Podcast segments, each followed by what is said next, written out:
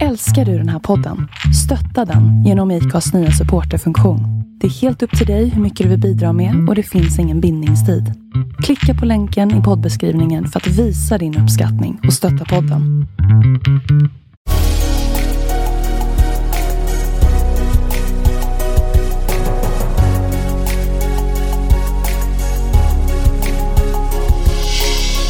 Välkommen till podden Vart är vi på väg? I denna podd intervjuar vi sociala entreprenörer och andra personer som är involverade i ekosystemet kring socialt entreprenörskap. Vi vill ge dig som lyssnare tips och inspiration till hur innovativa idéer och entreprenörskap kan vara lösningen på de samhällsutmaningar som vi står inför. Vi vill även inspirera människor till en livsstil med hållbara vanor och vi vill självklart lyfta fram alla fantastiska sociala entreprenörer i rampljuset. Idag har vi med oss Emmy Tolin, partneransvariga och hållbarhetsutvecklare på God El.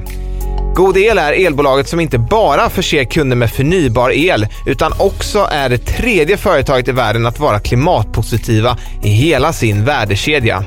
Inte nog med att hela deras core business bidrar till att lösa en av de största samhällsutmaningarna idag, klimatet. Man ger också all vinst till välgörande ändamål. Du som kund väljer vart. Emmy delar kring hennes bakgrund, vad som i ung ålder fick henne att engagera sig i klimatfrågan. Idag ser hon inget annat alternativ än att arbeta för att bidra positivt till vår värld, med fokus på just klimatfrågan. Hon delar med sig av sina tips på hur man kan jobba med kommunikation av sin idé, att nätverka och ta till sig av andras expertis för att kunna bygga framgångsrika bolag.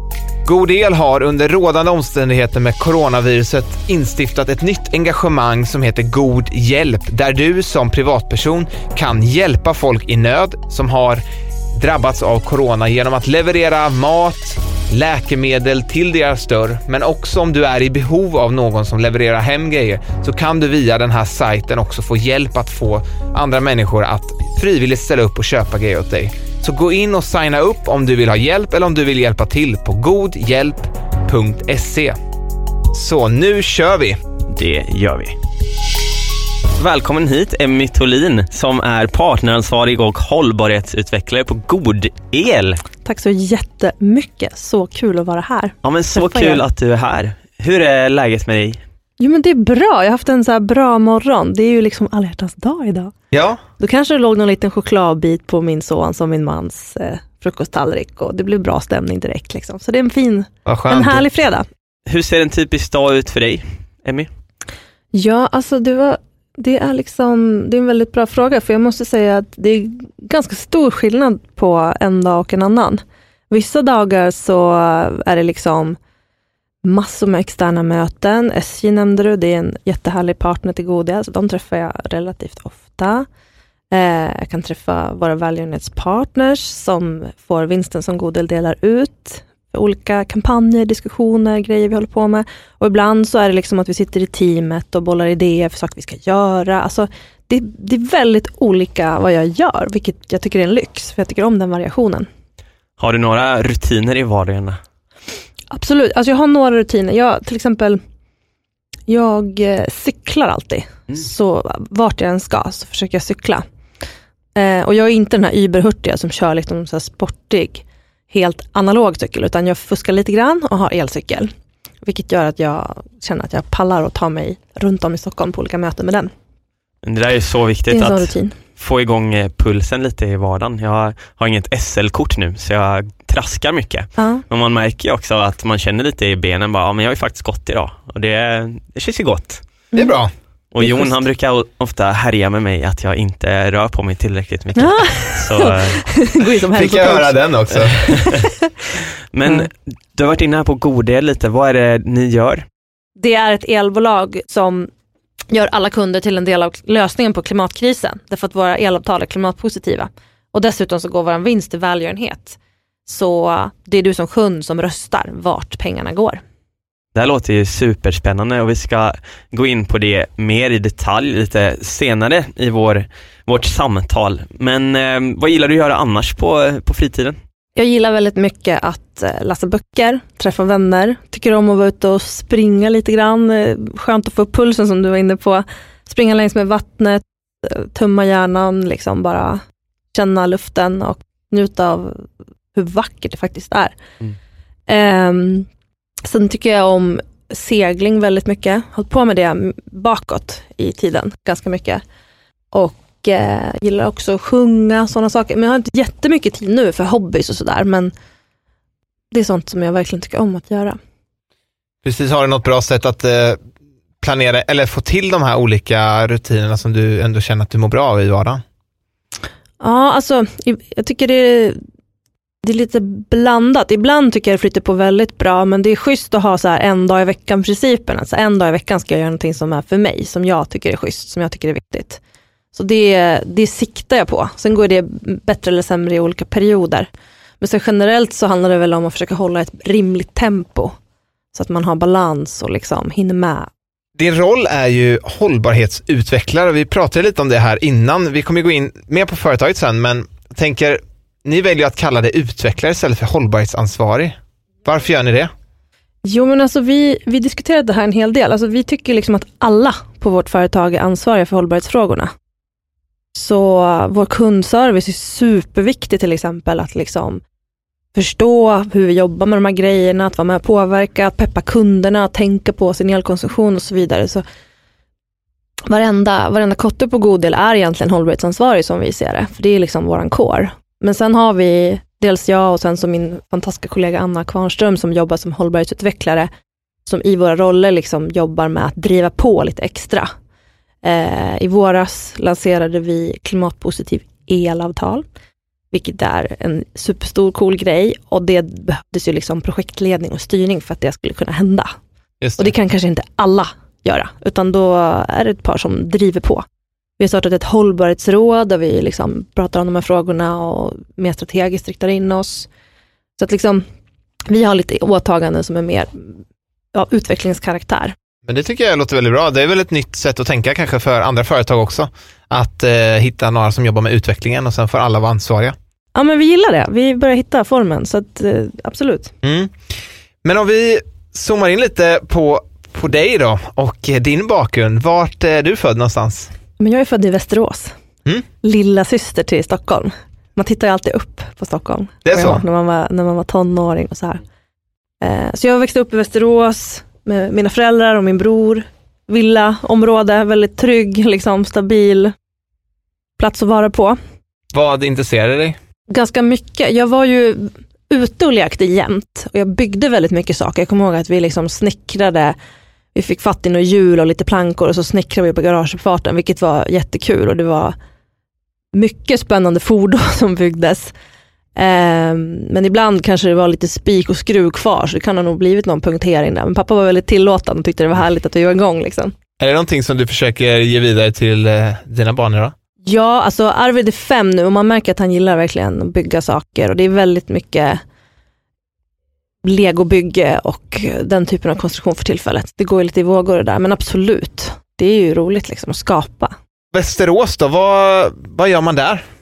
Ja, vad gör man där? Alltså under min uppväxt så var det faktiskt, det var väldigt mycket segling. Min bror har seglat jättemycket, så jag hakade lite på det som lilla syster. Eh, så vi hängde mycket ner till Jollekappseglarna på Framnäs, Västerås. Där var det liksom fullt ös och jag jobbade mycket som liksom, tränare och ungdomsledare där också, vilket var jätteutvecklande och roligt. Vi hittade på, vi åkte ut till öar och övernattade och gjorde skattjakter och liksom, det var så roligt. Och sen ganska mycket egen kappsegling också. Så jag höll på en, en del med dans, um, ballett, vilket kanske egentligen inte riktigt är rätt typ av dans när, man tänk, när jag tänker på vad jag gillar nu. Det är ju rätt strikt liksom. Eh, och sen så uh, musik, sång också en hel del. Skola och sånt då, var, var det någonting som intresserade dig eller var det mer hobbyerna utanför som var? Äh, men det, var, det var viktigt att göra bra ifrån sig i skolan. Det var liksom hög fana på det. Så det var viktigt att liksom, ja, prestera i skolan, helt klart. På gymnasiet, vad var det du eh, tog dig vidare in på för program då? Ja, men alltså jag hade ju väldigt svårt att veta. Jag, jag ville ju liksom jobba på något sätt och påverka samhället. Jag var väldigt sugen på att jobba med miljöfrågorna på något sätt. Så min idé var att jag skulle vara marinbiolog. Mm. Jag hade liksom den här kontakten med vattnet. Jag älskar havet. Jag älskar liksom livet i havet. Jag tycker det är så fascinerande. Eh, och tänkte jag, men då blir det bra, jag går naturvetenskapligt. Eh, men det tog inte så lång tid innan jag började känna att så här, men det här är för tekniskt, det är för mycket matte. Det är inte så kul, liksom. det var så långt ifrån det som jag verkligen ville hålla på med. Så då bytte jag över till SPNV som är ett kombinationsprogram som fanns på den tiden, jag vet inte om det finns nu. Och sen så när det var dags att göra vägval där, typ efter ett och ett halvt år, då blev det Samhäll. Så jag gled liksom från ena kanten till den andra. Um, men jag började känna att liksom, samhällsfrågorna och att jobba med påverkan, det kan jag nog göra med andra verktyg. Så jag tänkte nog mer att, okej okay, men vad är jag bra på då? Det är liksom mm. inte räkna på mol som var min styrka, utan det är mera att så här, lyssna på människor, skapa engagemang, driva på, liksom få loss den här kraften som jag tror vi sitter på och som vi ser ofta när, när folk gör bra saker. Liksom. Så um, det handlade om andra styrkor och det började identifiera. Liksom. Ja men skönt att kunna identifiera det så tidigt ändå. Många kämpar ju med det liksom ända upp i 30-årsåldern kanske, att hitta, ja. hitta vad man själv brinner för. Ja men precis och jag tror nu låter det ju enklare än vad det var. Jag kommer ihåg jag satt där, det var ju ångest liksom. Jag satt och gjorde plus och minuslistor med att liksom byta och handlar inte bara om att jag ska jobba, sitta fler timmar och plugga liksom, men det landade ändå i att så här, ja, men jag får röra mig mot det som jag tycker verkar roligare och mer intressant och som jag har verkligen tagit till mig enklare. Och det här engagemanget då, tog det sig i uttryck på något särskilt sätt? Att du engagerade dig på något sätt? Eh, jag var väldigt engagerad då mm, i liksom John Le och den ungdomsverksamheten.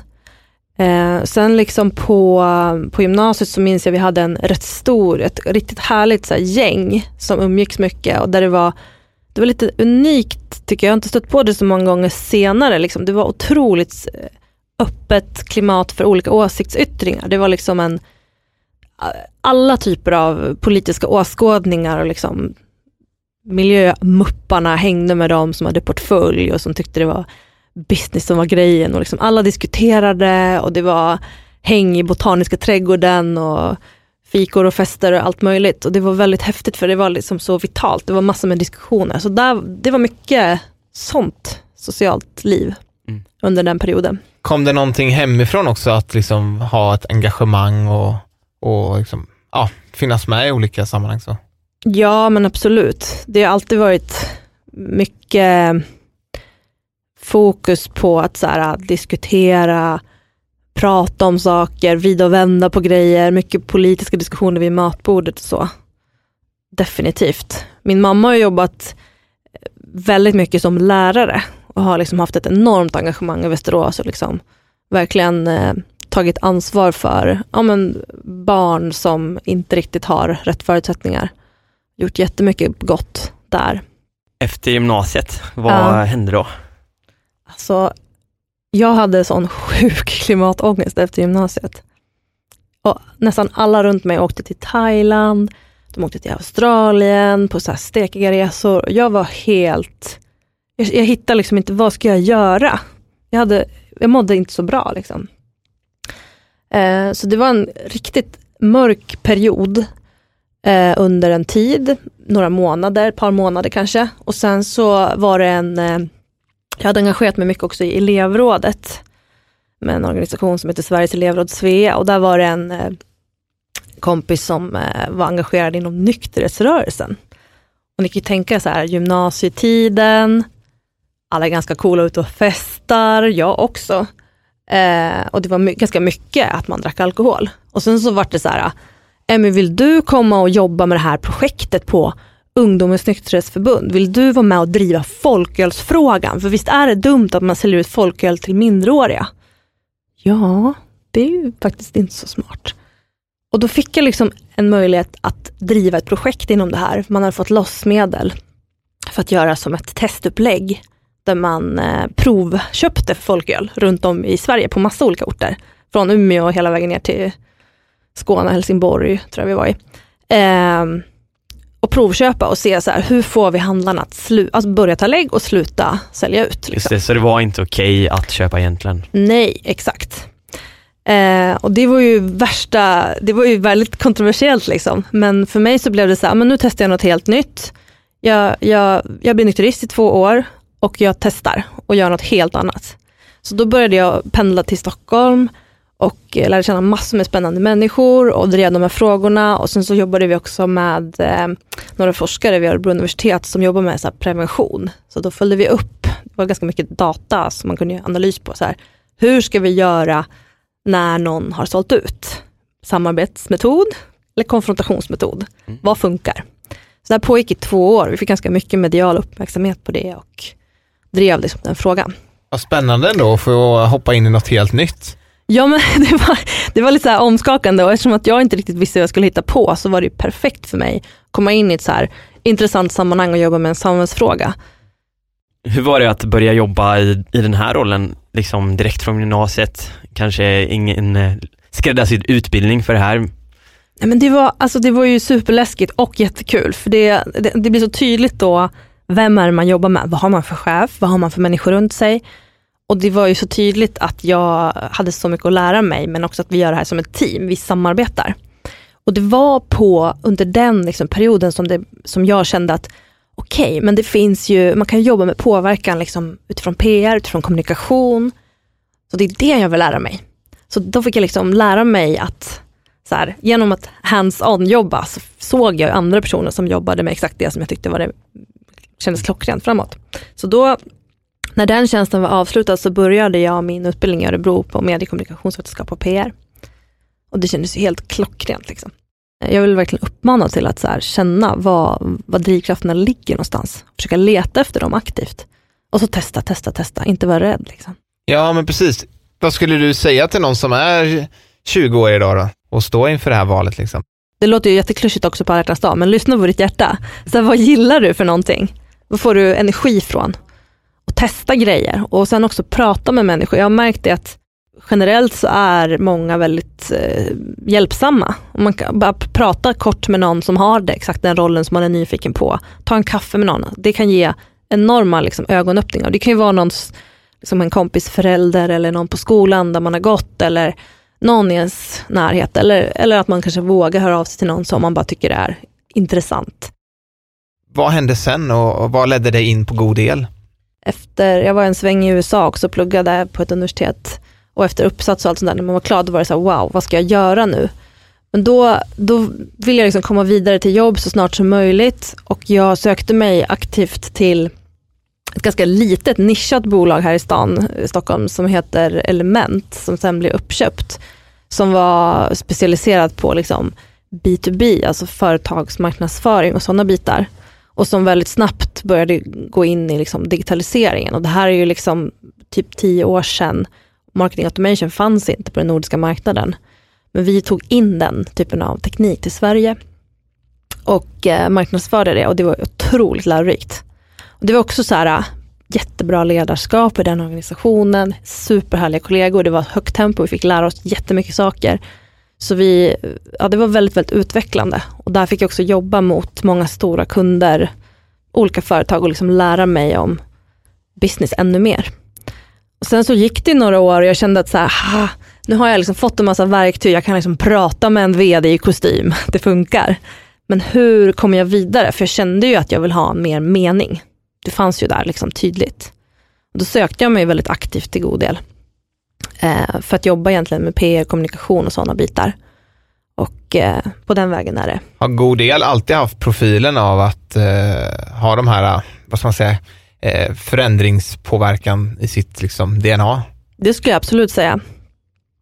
Det, det var extremt entreprenörsdrivet från början.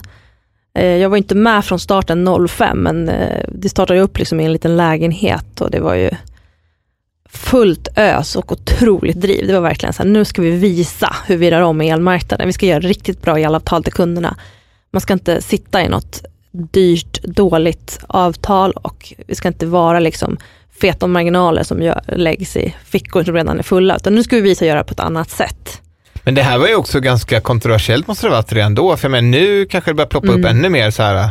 Vi har haft med Hedvig bland annat som inom mm. försäkringsbranschen utmanar storbankerna och mm. storförsäkringsbolagen. Eh, men det här är ändå liksom, eh, vi snackar ju nästan 15 år sedan eh, och komma in i en sån traditionell bransch och röra ja. om. Ja, det var ju det var ett helt annat paradigm då. Det var mycket mer uppdelat att liksom företag, de tjänar pengar till sig själva.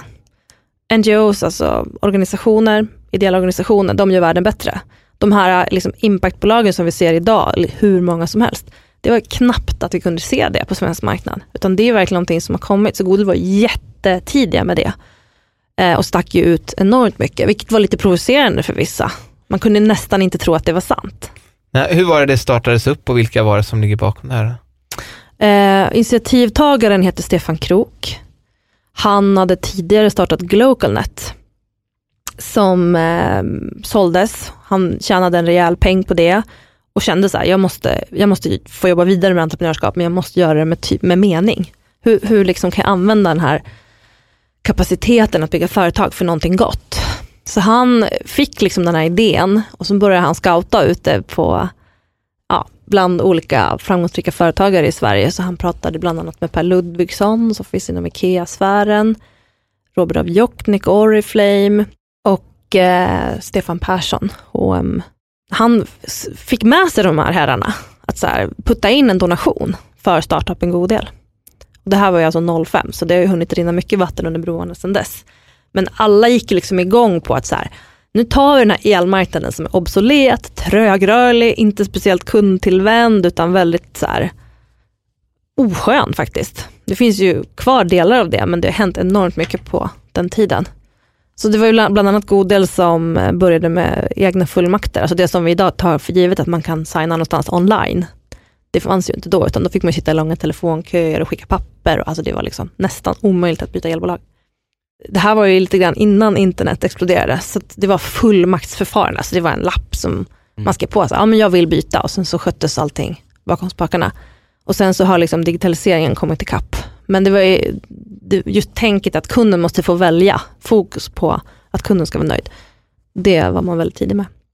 Om man då ska ta de st största skillnaderna mellan er och de traditionella elbolagen då, ska inte hänga ut några, men vad är det liksom som, som är den största skillnaden? Du har varit inne på det här med att ni donerar er vinst. Mm. Är det det största och hur jobbar ni med det? Ja, alltså jag skulle säga att den största skillnaden är verkligen att vi har inbyggt i vårt DNA, hela vår modell bygger på att vi ska göra världen bättre. Det är det som är anledningen till att vi någon, någon gång startade. Eh, så vi ägs av en stiftelse som heter Good Cause.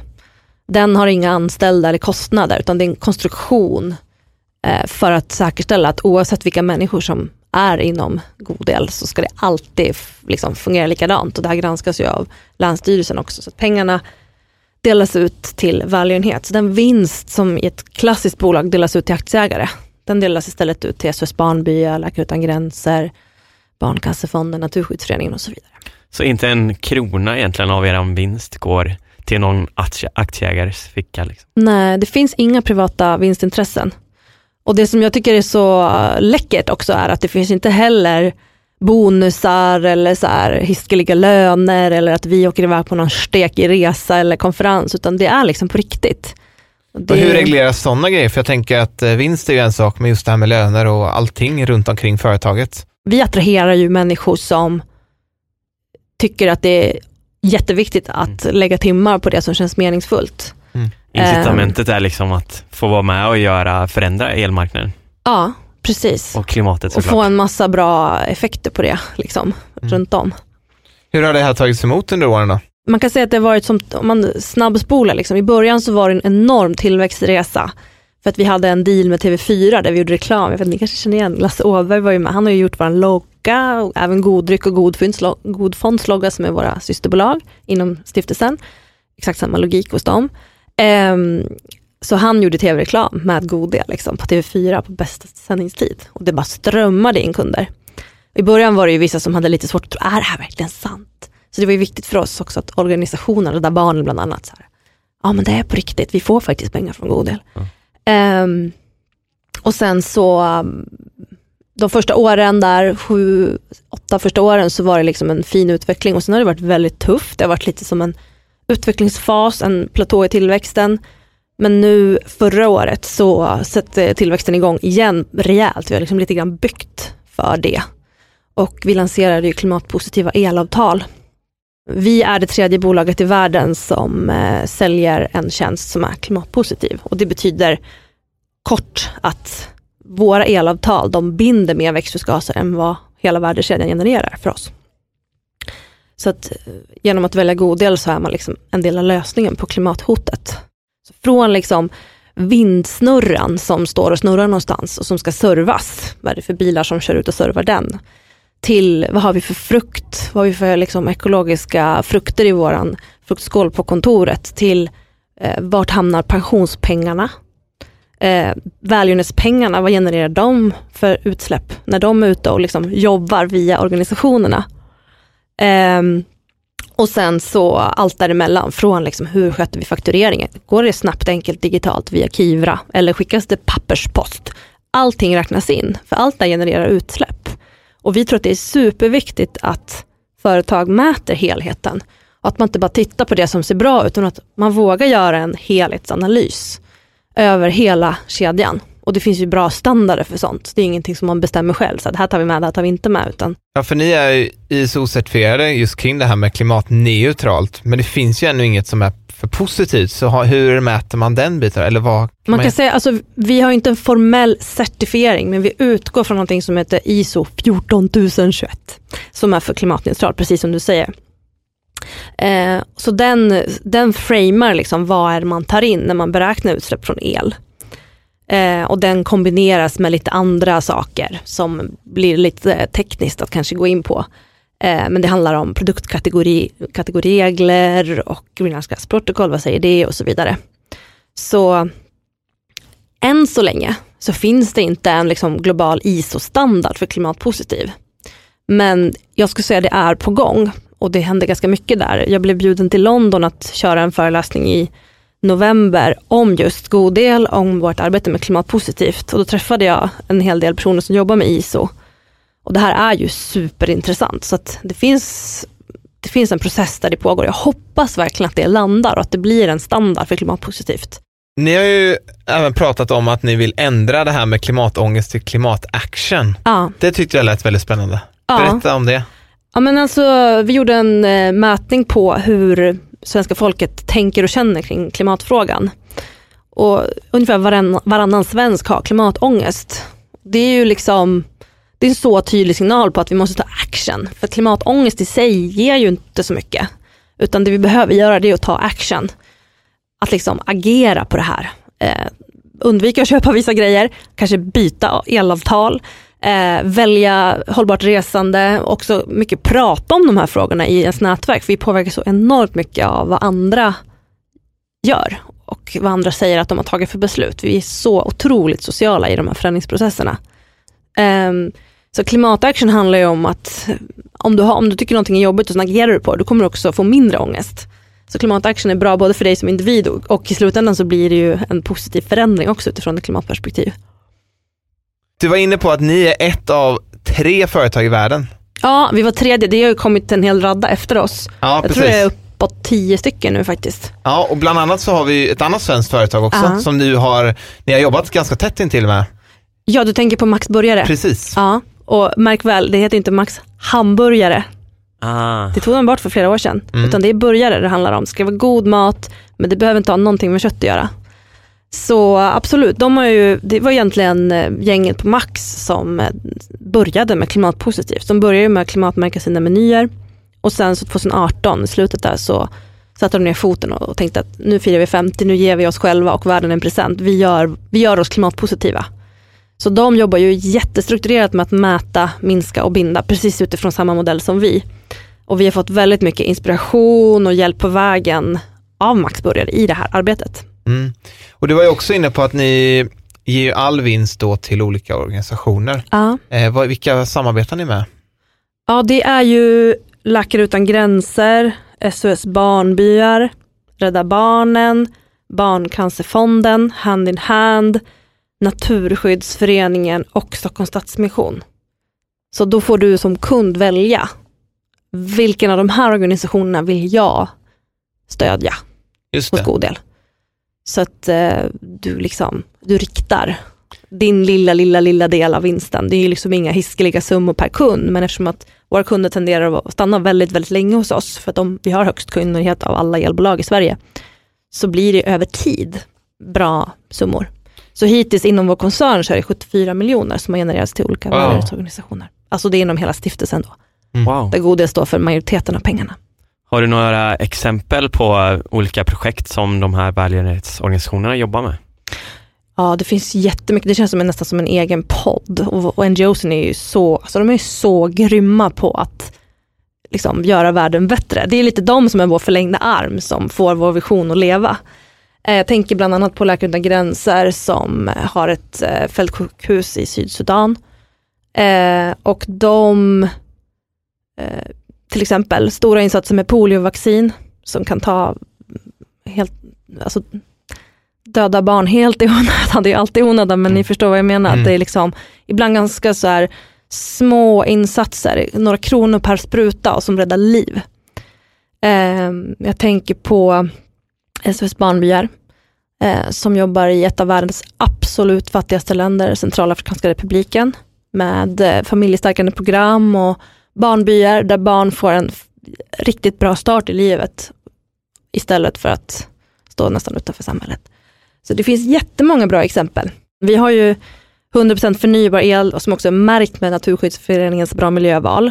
Och sen toppar vi det med att göra elavtalet klimatpositivt. Så att liksom vi har byggt in det i kärnan i vår produkt. Men precis som du är inne på, att också de pengarna vi genererar faktiskt jobbar för det, för det goda. Så det känns lyxigt att få, det känns väldigt meningsfullt att få jobba med de frågorna. Och jag märker också det, även fast vi har några år på nacken så liksom, många lyfter på ögonbrynen och tycker men det här är helt fantastiskt. Alla borde ju byta till god del.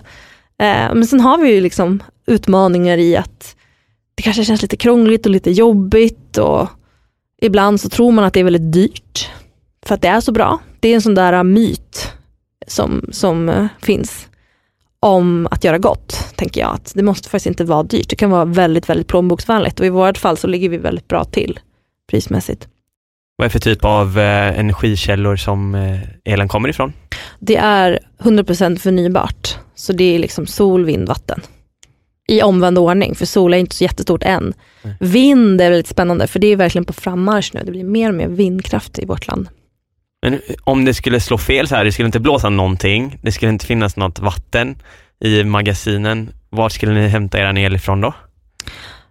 Precis, alltså det är ju i systemet för el i Sverige funkar så att vi säkerställer att exakt den mängd el som vi säljer kommer att tillverkas förnybart. Men är det så att det inte finns någon, om man sto- stoppar alla maskiner, då kommer ju systemet se till att vi hämtar in elenergi från till exempel Danmark, Mhm. från till exempel Polen. Så det är ett väldigt stort nätverk, liksom, Mm. komplext. Och det är därför det blir så viktigt, för att om man har, jag, kan inte, jag vet inte exakt hur det skulle bli om all vår egen produktion stannar. Det är en väldigt spännande tankemodell. Men det är så viktigt att alla gör ett aktivt val med förnybart, för då pressar man ju ut den andra elen, Mm. sakta men säkert.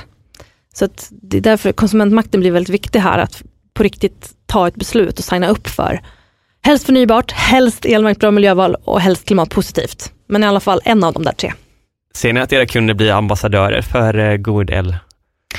Ja men det ser vi, det är ganska ofta vi ser eh, människor som lägger upp grejer på Instagram eller på sin blogg. Och. Ja, vi, det är ganska högt engagemang hos många, trots att el kanske inte driver så mycket intresse i sig, vilket jag kan tycka är lite synd, för det är ju egentligen guld som flyter i kablarna. Det är ju, vi skulle inte kunna leva så här, vi skulle inte kunna ha den här podden, jag skulle inte kunna få någon kaffe på morgonen. Nej. Svårt att cykla med elcykel eller ta sig med tuben någonstans. Framåt, när mer och mer saker elektrifieras, så kommer vi att behöva använda elen mycket smartare och öka medvetenheten om det. Där finns det mycket spännande liksom, plats för innovation framåt i elbranschen. Jag tror att eh, det kommer hända mycket på det området. Så hur kan vi energieffektivisera? Hur kan vi använda elen smartare? Och också mikroproduktion. Hur kan vi liksom tillverka el på alla de här taken som bara står? Men är det något vi kommer få se här i Sverige också? Att vi har eh, solceller liksom här på lägenhetshustaken i Stockholm till exempel? Absolut, det tror jag verkligen. Alltså det kommer de här närmsta åren. Det, det lanserades ett EU-direktiv inom exakt det området i början på förra året. Alltså vi ska ha sådana här medborgarenergigemenskaper, MIG heter det. Så det betyder att vi ska göra det enklare för bostadsföreningar och fastighetsägare att placera till exempel solceller på taken och också dela. Det är alltså man är producent och man är konsument, prosument. Så att energin ska kunna liksom genereras i småskalig uppsättning och sen så att den sprids Mm. när den, så som den behövs. Och det där är ju en jätteutmaning ur nätperspektiv, men det måste vi bara lösa. Det tror jag vi kommer göra också, för det kommer, det kommer krävas. I eh, vår podd här, Vart är vi på väg, så pratar vi just om eh, socialt eller impact entreprenörskap. Vad är det för dig?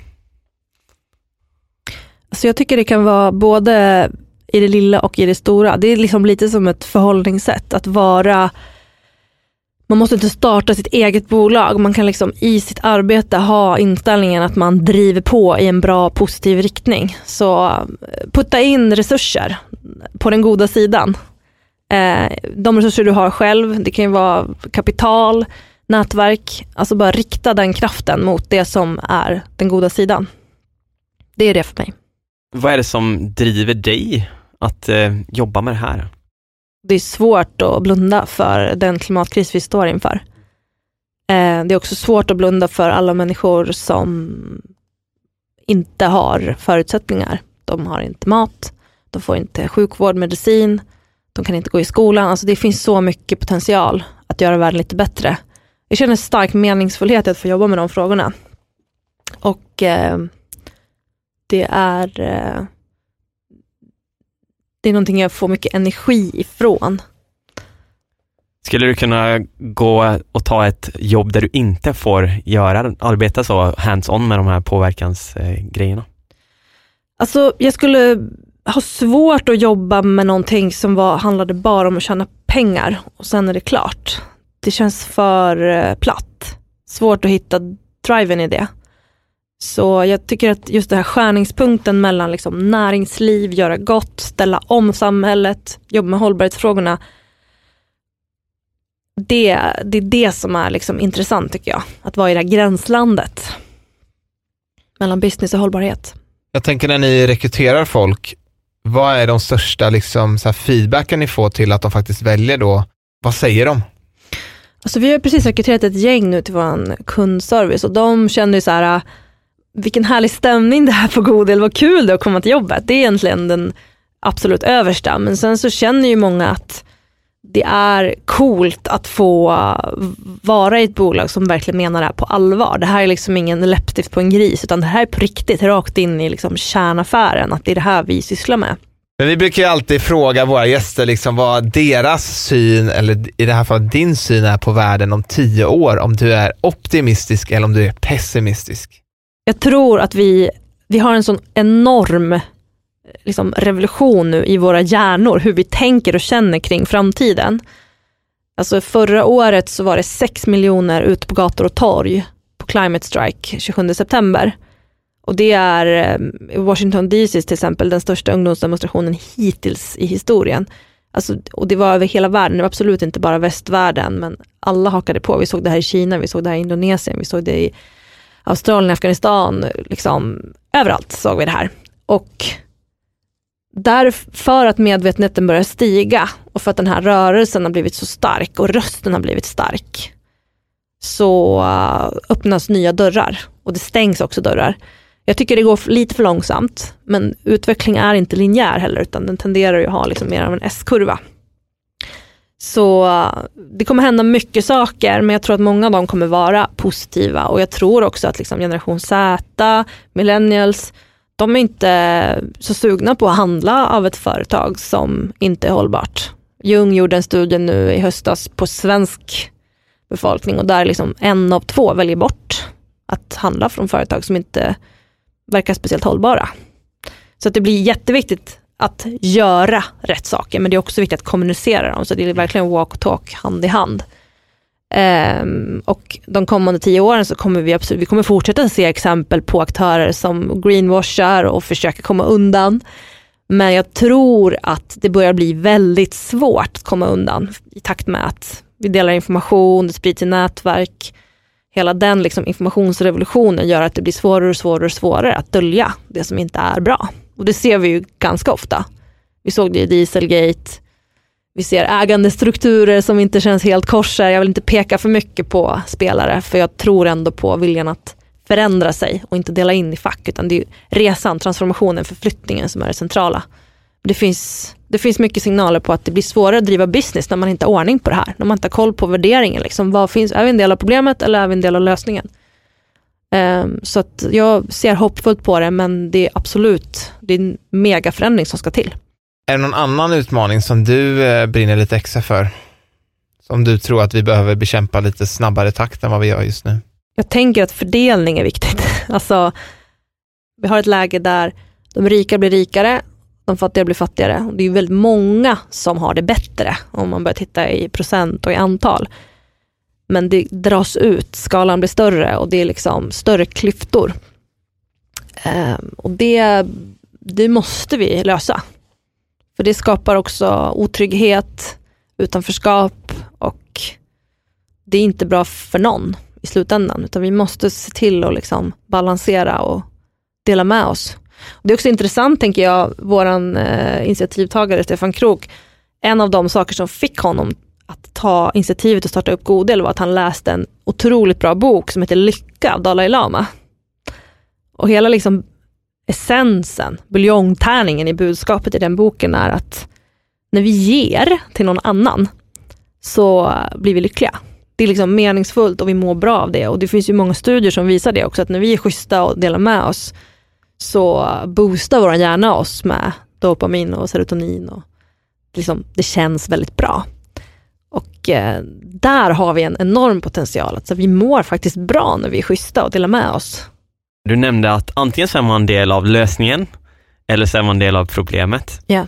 Och eh, om man faktiskt är en del av lösningen eh, men kanske inte lyckas kommunicera ut det Mm. här så skapar man inte så mycket affärsnytta eller klimatnytta. Just och du som har jobbat mycket med kommunikation och PR, så här, har du några tips till ett sånt eh, bolag eller en sån entreprenör hur man ska lyckas med kommunikationen? Ja, det, det är ju en jättestor utmaning att nå ut. Och jag tänker en, en kärna som är otroligt central, det är att verkligen på riktigt förstå drivkrafterna hos den målgruppen som man vänder sig till. Eh, att på riktigt förstå vad är det de tycker är viktigt, vad, vilket problem behöver vi lösa åt dem. Och sen så jättefokuserat vända sig till den målgruppen som man finns till för. Ehm, och här tycker jag Godel har vacklat över åren att så här, borde inte vi vända oss mot alla och så vidare. Men i takt med att vi har blivit tydligare och spetsigare så ser vi också att vi når fram mycket, mycket bättre. Och eh, det blir en positiv spiral därför att då så får vi förslag och inbjudningar till sånt som vi vet är klockrent. Så när vi blir tydliga och utgår verkligen från målgruppens drivkrafter, då börjar det lossna. Det tror jag är jätte, jätteviktigt. När vi gjorde det här stora arbetet så um, gick vi ut och undersökte helt enkelt så här, de som står närmast att byta till oss. Hur tänker de? Vad är viktigt för dem? Vad stör de på sig i elbranschen? Vår, hela vår kategori, vad finns det liksom för barriärer som de irriterar sig på? Och eh, när vi fick koll på det så handlade det sen om att så här, konceptuellt, hur ska vi prata med den här målgruppen? Och genom vilka kanaler? Eh, och man ska aldrig underskatta heller kraften i människor och liksom de nätverk eh, som eh, människor sitter på. Eh, och har du en riktigt härlig, bra idé som också gör världen bättre, så finns det folk där ute som vill hjälpa dig. Men du måste vara tydlig med den och du måste jobba mycket med att nå ut till personer som kommer liksom hjälpa dig att sprida det. Eh, Ett eh, impactbolag som du är, har eh, som favorit och tror på lite extra framöver? Jag tänker faktiskt på Deedster, som är en, de kallar sig en klimatapp. Man kan göra utmaningar med sig själv, med sitt, sin familj, men också på sitt företag. Så kan man starta upp liksom en tävling där man tävlar om vem som får ner sitt avtryck mest. Och det är väldigt lekfullt och roligt byggt, så att det blir mycket härlig energi av det. Jag vet att Apotea bland annat har kört det och ja, det är bra för kulturen i företaget. Det drar igång folk. Det är mycket bra tips. Och har du någonting som eh, du tycker vi borde prata om eller någon vi borde intervjua här i podden? Ehm, ja, men jag tänker lite grann faktiskt på, vi pratade lite om Max tidigare och jag tycker det är ett intressant exempel för att en tra- supertraditionell, väldigt köttung bransch. Verkligen. Eh, men de gör en omställning, de gör en förflyttning i ganska rask takt. De har vunnit pris av FN och det här arbetet med klimatpositivt leds av Kai Török som är deras informationshållbarhetschef. Som eh, jag tycker sitter på väldigt mycket viktiga insikter och han är väldigt inspirerande och superbra person. Så att jag tycker ni ska bjuda in Kai till den här podden. Visst, det ska vi absolut ta med oss och eh, med det så vill vi verkligen tacka för idag. Tack så jättemycket, det var jättekul att och vara här. lycka till med allt framöver. Tack. Tack så mycket för att du har lyssnat på dagens avsnitt. Glöm inte bort att följa oss i sociala medier. Vi finns på Facebook, Instagram och LinkedIn och även vår hemsida vartarvipavag.org. Och om du har möjlighet får du jättegärna gå in och ratea våran podd på iTunes. Yes, och för dig som vill ta del av podden ytterligare så tycker jag att du ska gå in och signa upp dig för vårt nyhetsbrev där du varje vecka får en liten kort resumé av avsnittet men också de bästa tipsen och de bästa insikterna från gästen som vi har haft med oss. Eh, så om du har varit ute på språng och inte haft möjlighet att anteckna något så gör det ingenting utan du får det på ett mail veckovis. En riktigt bra deal helt enkelt. Så se till att signa upp dig så fort som möjligt så ses vi nästa vecka igen. Det gör vi.